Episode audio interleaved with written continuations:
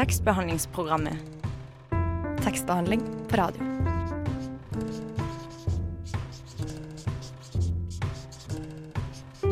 Tekstbehandlingsprogrammet.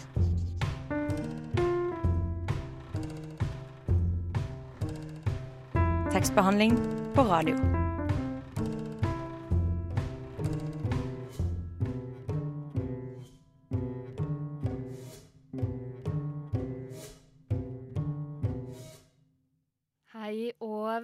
Velkommen til tekstbehandlingsprogrammet her på Radio Nova denne onsdagsmorgenen. Mitt navn det er Mari Nyberget, og med meg i studio er du, Anna Gamme. Hei, hei. Og vi skal være med dere den neste timen, hvor vi bl.a. får besøk av Pia Edvardsen, som nylig debuterte med romanen 'Vi var aldri brødre'. Men før hun kommer inn i studio, så skal vi høre et repriseinnslag. Redaksjonsmedlem Idun hun har snakket med folk på gata om hvor ofte de leser bøker. Hør på det her. Unge leser mindre i dag enn før. En undersøkelse viser at andelen unge mellom 16 og 24 som leste i en bok på en gjennomsnittsdag, har gått ned fra 28% i 1991 til 16% i 2015. Jeg mistenker at det er Netflix og HBO som tar mye av tiden. Jeg tok meg turen ut i Oslos gater for å sjekke. Leser dere noen bøker? Eh, Jeg leser bøker når jeg, har, når jeg er på ferie ofte, eller? Enn eh, liksom i hverdagen, for da gjør jeg mer lekser og sånne type ting. Ja. Eh, tror du det er vanlig for folk på deres alder å lese mye? Eh, nei, ikke så mye, for vi har mye å gjøre ellers, så jeg tror kanskje mange prioriterer andre ting enn akkurat å lese bøker. Leser dere noen bøker? Ikke egentlig. Nei, hvorfor ikke? Vanskelig, det er vanskelig å finne bøker som er interessante, syns jeg. Så jeg vet ikke, jeg syns det er vanskelig å finne en bok hvor jeg liksom virkelig vil fortsette å lese. Jeg bare legger den fra meg, så tar jeg den aldri opp igjen. Det er egentlig det samme med meg. Det eneste jeg har lest noen bok, er hvis på fly eller noe. Det er bare sånn, sånne små ting innimellom. Ellers så tar jeg aldri opp en bok. Jeg leser veldig mye på stranda. Da leser jeg mye, men bortsett fra det så leser jeg ikke så mye. Leser dere noen bøker? Jeg har nettopp en skoleoppgave, eh, men det må være oppgave på skolen hvis vi skal løpe noen bøker, dessverre. Dere leser bare pensum? Ja, Ja, jeg, jeg leser bøker. Jeg leser Beatles nå. Han er litt bedre på det. Ja, Tror dere det er vanlig for folk på deres alder å lese mye? Nei, eh, det er liksom masse andre ting, da. For det er sånn sosial, sosiale medier og, som tar over litt, da. Og det er sånn, vi er liksom en generasjon hvor de ser mer på TV, liksom, enn å lese bøker. Er det greit at det er sånn? Jeg syns det blir sånn Det blir lite avkobling, da. Hvis det bare skal være input fra nettet hele tida.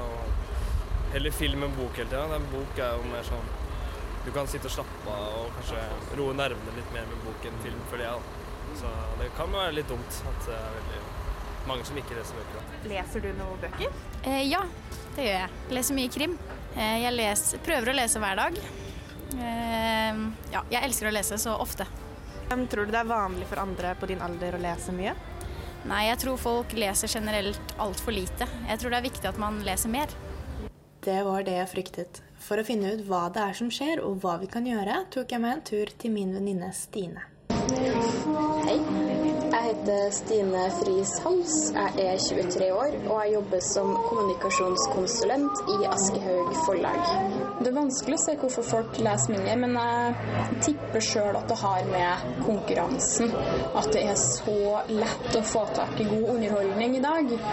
Og hvis du da ikke leser for lesingas skyld, da tror jeg boka sliter. Hvilke konsekvenser tror du det får i lengden at man som ungdom da ikke leser? Jeg kan ta et eksempel som jeg hørte på Jeg var ute på tur med Bokbussen i Sør-Trøndelag. Og da var det en der som jobber i Bokbussen som fortalte meg at han hadde hatt en gutt som kom bort og sagt at han ikke leser for han greier ikke å se for seg det i boka. For på film så får han alle bildene. Så jeg tror kanskje det kan gå utover vår evne til å se for oss ting, og det å bruke fantasien. Fordi at når du bare blir vant til visuelle medier, da, så eh, får du hele tida servert bildene. Og det er sånn som jeg syns er litt trist sjøl, at jeg greier ikke å huske hvordan jeg så for meg eh, Harry Potter-verden fra før filmene kom. Og jeg syns det er en sånn kjip ting å ha mista. Litt trist. Og altså hvor mye vi bruker fantasien da, til å se for oss ting og problemløsning. Og hvis du skal bygge deg bokhylle, og det å kunne se for seg hvordan den skal bli, altså sånne små praktiske ting, da, om det kan gå utover det på noe vis, det er en sånn ting som jeg er litt bekymra for sjøl. Eller det at vi ser nå at unger kanskje ikke er så flinke til å finne på ting. Jeg tror det er veldig viktig at unge folk leser, og at man ikke skal tenke så mye på om man bruker ett år på en bok eller to dager. Jeg tror man kan bruke det digitale for å eh, opplyse folk om bøker, og vi må bare fortsette å finne ut hvordan vi kan utnytte sosiale medier eller sånn for å nå tak i folk. Stine er altså positiv til at boka kommer til å bestå. Og for å være ærlig så gjenspeiler det også mye av det jeg fikk høre på Karl Johan. Jeg har jo dessuten mange venner selv som leser, og det er mange unge debutanter i år, helt ned til 18 år. Så for å være ærlig så tror jeg ikke vi trenger å bekymre oss for dette helt enda. Hallo, mitt navn er Knut Nærum, og du hører på tekstbehandlingsprogrammet. Jeg går i hvert fall ut fra at du gjør det. Det var Cashmere Factory med låta 'Young' her i tekstbehandlingsprogrammet på Radio Nova. Og nå har vi fått eh, besøk i studio. Pia Edvardsen, velkommen hit til oss. Takk skal du ha. Du har en master i nordisk litteratur på Universitetet i Oslo, og jobber som ekstern konsulent for flere forlag. Og jobber på Bislett Bok, fikk vi høre her i stad. Og har også jobbet flere år i barnehage. Men eh, grunnen til at du er eh, her hos oss i dag, det er for at du nylig ga ut din første roman 'Vi var aldri brødre'. Og for de som ikke har lest eh, romanen helt enda, kan du fortelle litt kort hva den handler om? Det kan jeg. Eh, Den handler om en ung kvinne som reiser tilbake til barndomslandskapet sitt i Nord-Norge eh, fordi farmoren skal dø. Først er hun der sammen med faren sin, og etter hvert så kommer også søsteren og moren oppover. Eh, Og da blir det veldig tydelig at dette er en oppsplitta familie. Ikke bare pga. en skilsmisse, men også pga. to søstre som har blitt voksne hver for seg, og på helt ulike måter. Mm. Kort fortalt. Både du og eh, hovedkarakteren i romanen eh, har jo jobbet i barnehage, som vi nevnte tidligere, og begge er sånn rundt 30 år. Ja. Eh, hvor mye av den historien her er basert på deg sjøl og dine egne erfaringer? Um, det er ingen selvbiografisk eh, historie. Eh, det er et par elementer som kan ligne på, på mine opplysninger, holdt jeg på å si. Eh, og det kan være godt å skrive ut fra noe man kjenner til, enten det er en følelse eller en livssituasjon. Eh, men så blir det jo noe helt annet når, du, når det kommer i skrift. Da. da ligner det plutselig ikke på deg lenger. Nei. eh, men du har jo ei søster selv. Hva betyr egentlig søsterforhold for deg? Eh, Det betyr mye i livet, og så syns jeg det var eh, et spennende forhold å jobbe med litterært. Eh, Særlig den kontrasten mellom at man er så utrolig nære som barn. Man føler seg nesten som, som en person. Ehm, til at jeg tror alle søsken sklir litt fra hverandre, uten at det er noe dramatikk i det. Det er bare sånn det er. Så jeg håper å si det er både eh, det søsterforholdet som er i boka, kan det ligne litt på ditt eget søsterforhold, eller det er jo kanskje automatisk det? Ja, deler av det kan nok det. I hvert fall de tingene som er fra man var barn. Eh, jeg har nok henta mye fra den makten det var å være storesøstera, hvor du kan bestemme absolutt alt bare fordi du tilfeldigvis er liksom to og et halvt eller syv år eldre, liksom. Det, Det kjenner jeg igjen selv også. Jeg Ja. en lillesøster. Som eh, sagt, og eh, det er deilig, ass. Ja. Bare kunne Gidder du å gå og hente den tingen til meg, og det blir gjort. Jeg tror faktisk vi bare er storesøsken i studio her nå, egentlig. Ja. Kanskje ikke tekniker, men ja. Ja, Boka de består jo av veldig mange levende naturskildringer fra Nord-Norge. Veldig detaljerte og fine beskrivelser. Eh, har du tilbrakt mye tid der sjøl? Eh, ja. Um, farssiden av familien min er derfra. Um, så jeg har vært i, i Nord-Norge hver eneste sommer helt fra jeg ble født. Um, og det er et landskap som jeg i virkeligheten liker å være i. Og jeg likte å være i det i skriften også. Jeg likte å skrive derfra. Um, ja. Ja, for hva var, hva var på en måte grunnen til at det ble akkurat Nord- Nord-Norge og ikke et annet sted, holdt jeg på å si, hvor handlingen ble lagt til? Um, jeg, jeg tror at både valget med at det skulle være barndomsstedet, og at det var rundt et dødsfall, gjorde at ting, ting blir tydeligere, da. Fordi at et sommerhus og et barndomslandskap er så ladet da, for en familie. Det er så mange minner. Eh, så, så det var vel grunnen til at jeg valgte å legge handlingen der. Mm. Eh, vi skal snakke litt mer om eh, handling eh, etterpå. Eh, etter eh, litt musikk så skal du bl.a. lese et lite utdrag som du har forberedt eh, for oss. Men aller først, her er Lille Stine med 'Jeg lover deg'. Hallo, Chartersveien her. Jeg passer jaggu meg inn i tekstbehandlingsprogrammet også. Jeg syns at døra bør stå på gløtt. Tekstbehandlingsprogrammet holder døra oppe for alle. Lar du døra di være litt åpen Det var Lille Stine med 'Jeg lover deg' her i tekstbehandlingsprogrammet på Radio Nova. Eh, Forfatter Pia Edvardsen er fremdeles hos oss eh, her i studio, og du har forberedt et eh, utdrag fra romanen din som du skal lese litt for oss. Ja. Eh, Du kan egentlig bare begynne. Eh, Da skal jeg lese fra en scene der de to søstrene har vært ute og lekt sammen. Um, og det er fra det kapitlet som eh, boka har fått navn fra. Vi var aldri brødre. Hun tok meg igjen og holdt opp hånda for at jeg skulle ta den. Jeg skjønte ikke hvorfor hun alltid ville at jeg skulle holde henne i hånda. Hun visste at jeg ikke likte det, men at jeg gjorde det likevel. Det hvite håret hennes stakk utafor lua, så jeg stoppa og satte meg på knæra foran henne. Med henda rundt kinna hennes dytta jeg håret inn i lua igjen. Så ser du litt bedre, sa jeg. Så ser jeg litt bedre, sa hun. Hun hadde fylt fire, men hun så ut som hun bare var to. Jeg pleide å si det til henne, at hun ikke vokste, og at hun kom til å være så liten for bestandig. Se på deg, pleide jeg å si, se hvor liten du er i forhold til de andre barna i barnehagen din. Det er som om beina dine ikke vokser. Du kommer aldri til å bli stor, du. Hun svarte ikke, bare dro i buksa si og titta opp på meg med de mørke øya sine. Jeg skjønte ikke åssen det var mulig at hun hadde så mørke øyne, når alle vi andre hadde blå. Kom, sa jeg og dro henne i hånda, men ikke hardt lenger.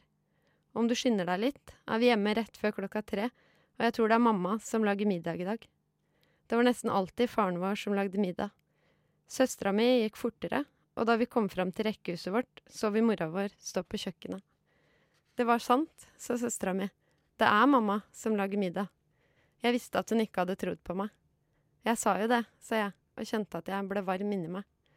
Vi var ikke brødre, vi var søstre, og det var derfor vi gikk så tett. Vi visste ingenting om å være brødre, bare at det måtte være helt annerledes.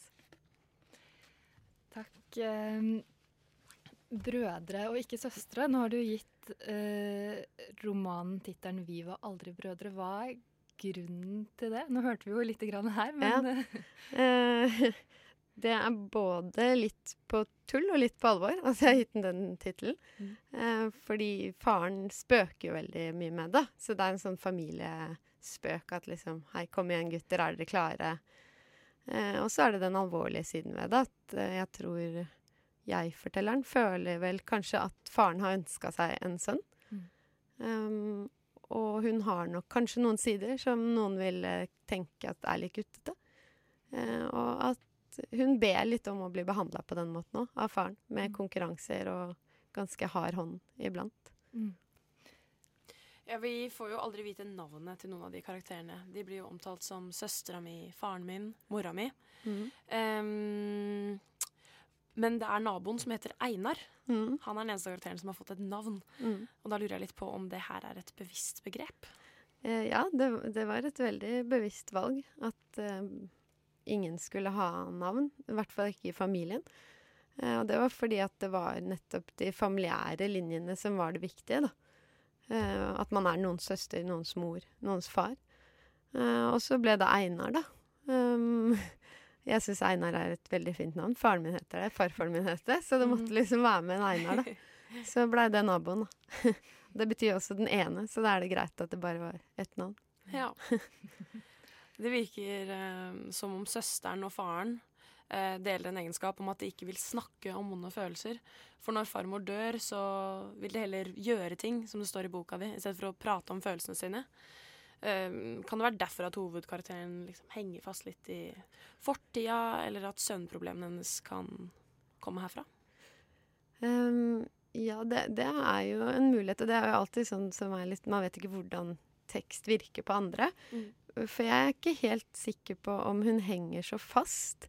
Uh, men de har i hvert fall det, det til felles at de, de har en nærhet gjennom det de gjør. da. At de gjør ting og da føler seg nære. Selv om den språklige avstanden er veldig stor. Da. De snakker jo forbi hverandre eller ikke med hverandre i det hele tatt. Mm. Uh, men ja, hun, hun, hun, har den siden som faren. Da. At de må gjøre ting for å være nære. Mm.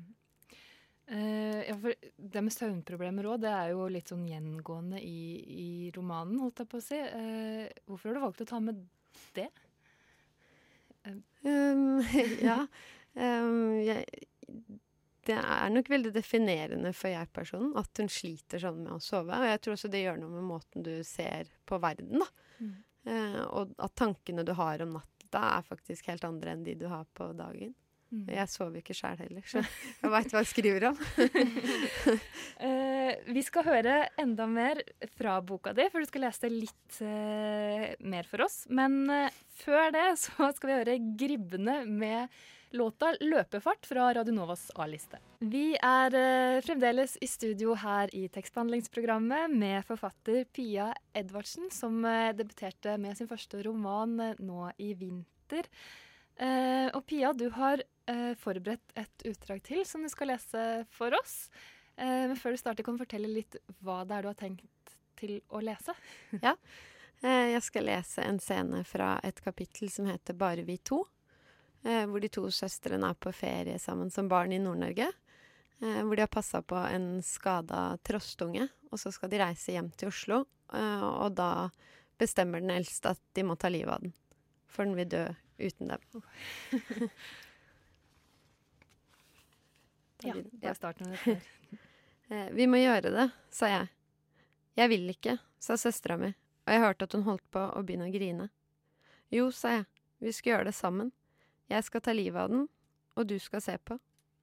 Jeg løfta opp trostungen.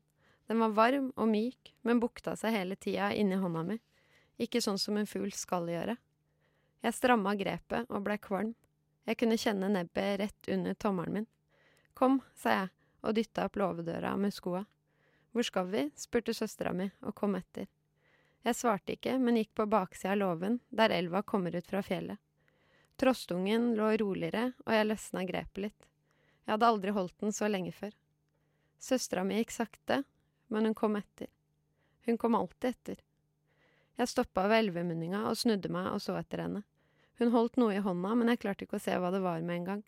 Så skjønte jeg at hun hadde tatt ut den hvite steinen av lomma. Knokene hennes var hvite. Skal du drukne den? spurte hun og blei stående et par skritt bak meg. Jeg rista på huet. Hva skal du gjøre, da? Bare vær stille, sa jeg, og så står du akkurat der du står nå, og så får du ikke lov til å se vekk. Skjønner du det? Hvis du ser vekk, får du ikke lov til å være søstera mi lenger. Jeg kunne nesten ikke kjenne at jeg hadde trostungen i hånda, så stille lå den. Jeg har alltid kunnet kaste langt, men jeg trengte ikke det da. Det var bare et par meter fram til fjellveggen, og jeg var ikke kvalm lenger. Jeg følte meg helt lett. Om jeg ville, kunne jeg ha svevd, jeg òg, men jeg så bare rett fram i fjellet foran meg. Rett fram, rett fram, rett fram. Så kasta jeg den. Jeg snudde meg og så på søstera mi. Hun hadde ikke sett vekk. Den hvite steinen lå på bakken ved siden av henne. Si unnskyld, sa jeg og tørka hånda på buksa. For hva da? Si unnskyld for at du drepte trostungen, vel. Men det var jo ikke jeg som gjorde det, sa hun. Det var du som drepte den. Ja, men du var med. Jeg bare så på, sa hun, og jeg kunne høre at hun kom til å begynne å grine snart. Det var ikke jeg som drepte den. Du var like mye med på det som meg, sa jeg. Hørte du ikke hva jeg sa til deg i stad? Jeg sa at vi skulle gjøre det sammen. Bare vi to. Selv om det ikke var du som kasta den, betyr ikke det at du ikke var med på det. Hvis ikke du hadde sett på, hadde jeg aldri klart å kaste den. Søstera mi så på meg. Blikket hennes var helt klart. Det var alt det andre som fløyt ut, og ansiktet hennes blei borte for meg. Jeg så bare øya, fokuserte, klare, mørke. Hun blunka ikke engang. Hun så rett på meg, og plutselig var det jeg som ikke skjønte noen ting, og holdt på å begynne å grine. Unnskyld, sa hun, og jeg nikka og grein og så rett fra. Wow. Ah, hardt å være lillesøster, holdt jeg på å si. Skal være glad man er eldst. ja.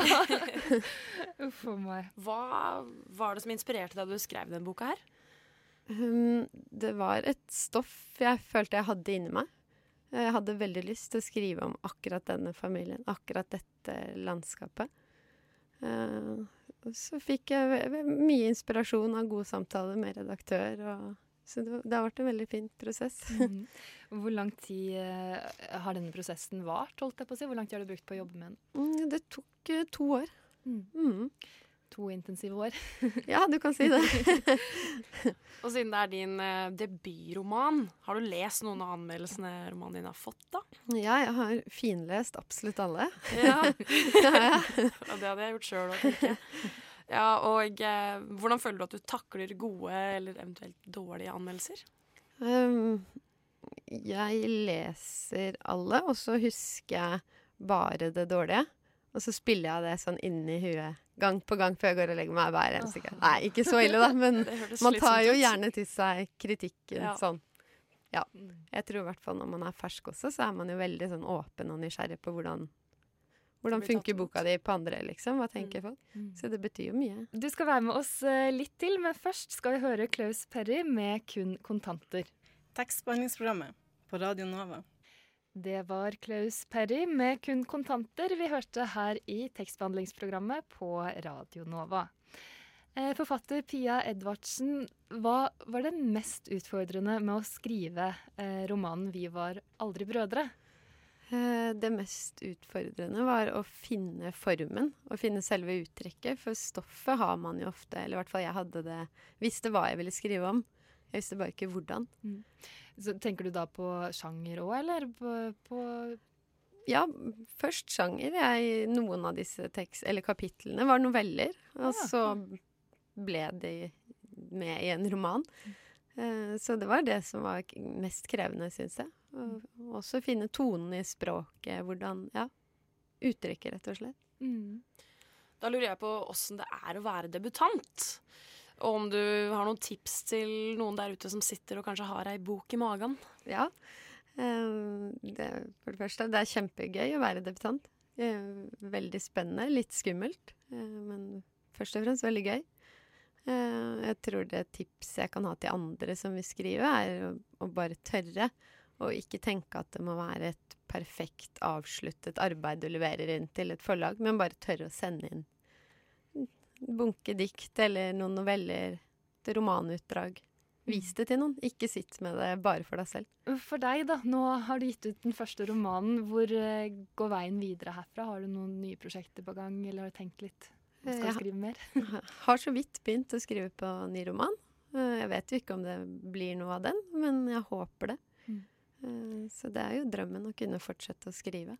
Det blir ikke en fortsettelse på den her, det blir noe helt annet? Nei, det blir noe helt Ja. annet. Helt annet handler om trær og gamle damer hittil. Å ja. Så noe helt annet. Det høres spennende ut. Ikke i Nord-Norge engang. Nei, ikke Nei. Men uh, det var uh, alt. Tusen takk for at du kom hit til oss i tekstbehandlingsprogrammet. Takk for at jeg fikk komme. Lykke til eh, videre med det nye bokprosjektet. Nå skal vi høre låta 'Body' av Blood Forest Family. Hysj! Nå hører vi på tekstbehandlingsprogrammet.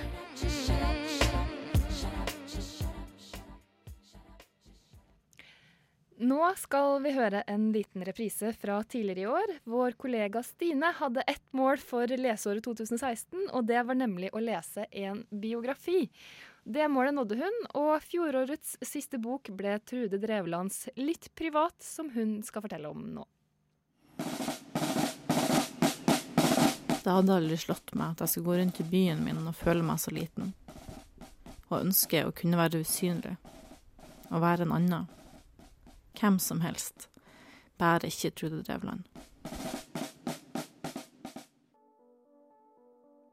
Fredag 16. desember 2016 klokka 12.03 poppet opp fire push-varsler på mobilen min. Dagbladet, Nattavisen, NRK og VG melder alle sammen at korrupsjonssaken mot Trude Drevland henlegges. Det er ikke sånn at jeg jubler av glede, men jeg syns det er fint for Trude sin del. Det kan jo hende at hun er uskyldig. Dessuten så er hun min favorittordfører. Ja, eller tidligere, da. Tidligere ordfører, ikke tidligere favoritt. Med unntak av tre, maks fire navn, så kjenner jeg ikke til noen andre norske ordførere. Så naturlig nok så er det ingen som har tatt over trona etter at hun Trude kasta en kjede. Egentlig så må jeg innrømme at jeg vet ikke så mye om hvordan Trude er som politiker, eller hvordan politikken hennes i Bergen var. Det vil si, etter å ha lest den boka litt privat, så vet jeg litt mer. Men uansett så har jeg alltid likt henne, og ikke bare for at hun er fra Vesterålen, samme region som meg. Knappe to timer og syv minutter unna mitt hjemsted, så finner du hennes. Det er 141 km for de av dere som ikke er fra Nord-Norge, og derfor ikke måler avstand i tid. Det er knapt et steinkast. Melbu, plassen hun trodde kommer fra, ligger dessuten kun et kvarter unna plassen jeg ble født, og senere gikk på videregående. Men nok om avstand. For i tillegg så minner hun Trude meg om dama med lirekasse og blå øyenskygge som var med i NRK-serien Eldrebølgen i 2003. Mora mi sa alltid at jeg kom til å bli sånn som hun, så man kan jo skjønne at tilknytninga mi til Trude er sterk. Kanskje kommer jeg til å ligne litt på henne en vakker dag. Høylytt og fyrig. Uansett, alt dette ødelegger ikke for at jeg kan lese litt privat med et objektivt blikk. Og jeg liker jo ikke så godt at det hindrer meg i å se at allerede ved tittelen så begynner jeg å stusse, for jeg syns hun bomma litt. For jeg vil jo helst lese noe som er veldig privat. Noe skikkelig juicy og kanskje forbausende. Ikke bare som passe spennende. Kall den privat, så kan leseren overraskes av graden av privathet. Den er jo ikke stor. Men det er kanskje mye å forvente av en som ligger nede og prøver å redde skinnet sitt, at hun skal fortelle alt. Men nå Trude kunne gjerne gitt oss litt mer. Gitt oss litt mer i oppvekst som attpåklatt ved kaia. Mer enn Jeg husker ikke Elsa, mente ikke å lyge. Litt mer. Kanskje burde hun også ha søkt råd hos nevøen, Vetle Li Larsen, angående den kjedelige skrivinga. Litt privat er uansett gitt ut på Aschehoug forlag, og er på snu 220 sider. De aller fleste av disse brukes til name-dropping av alt fra tidligere sjefer og kollegaer til Ellen Shearer, og til framsnakking. da. Og når jeg sier framsnakking, så er det skryting av hun Trude sjøl jeg mener. Jeg har jo allerede nevnt at jeg liker henne, og i løpet av boka så kommer det godt fram at også Trude liker Trude. Ganske godt. Vi får lese om alle hennes flotte og gode innsatser på mange ulike felt. På skolen, i forskjellige verv, på arbeidsplasser, i styrer og generelt i livet og politikken. Hun Trude gjør det skarpt. Det er ikke det at jeg ikke tror på henne, for jeg tror mer på Trude Harriet enn på Sofie Elise, for å si det sånn, men det blir selvsagt litt unyansert. Forresten så har de to nevnte damene noe til felles. Pussig hundenavn. Calvin Klein og Rigmor. Du kan jo bare gjette hvem som tilhører hvem. Han var inne i en karusell som aldri stoppa. Har blitt en brikke i et spill om Hordaland politikammers troverdighet og medienes makt og egenverdi. Jeg har blitt en brikke i spillet om å få rett, en brikke for å skaffe noen en journalistpris. Men hva hjelper det om de vinner, samtidig som de har solgt sjela si?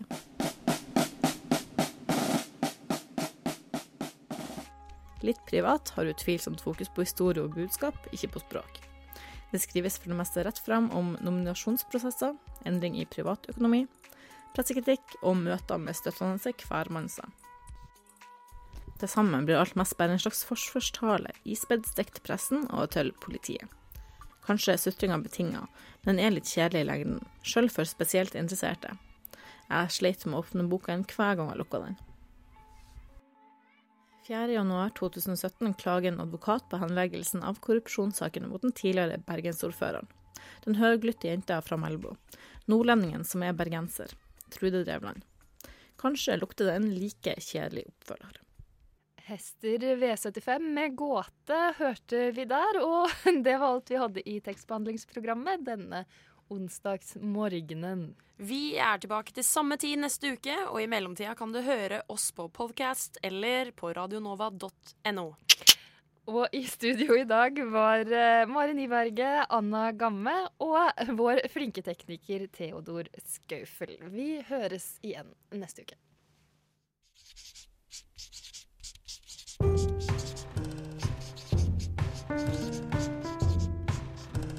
Tekstbehandlingsprogrammet.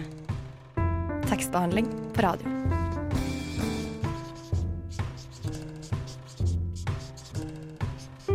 tekstbehandlingsprogrammet.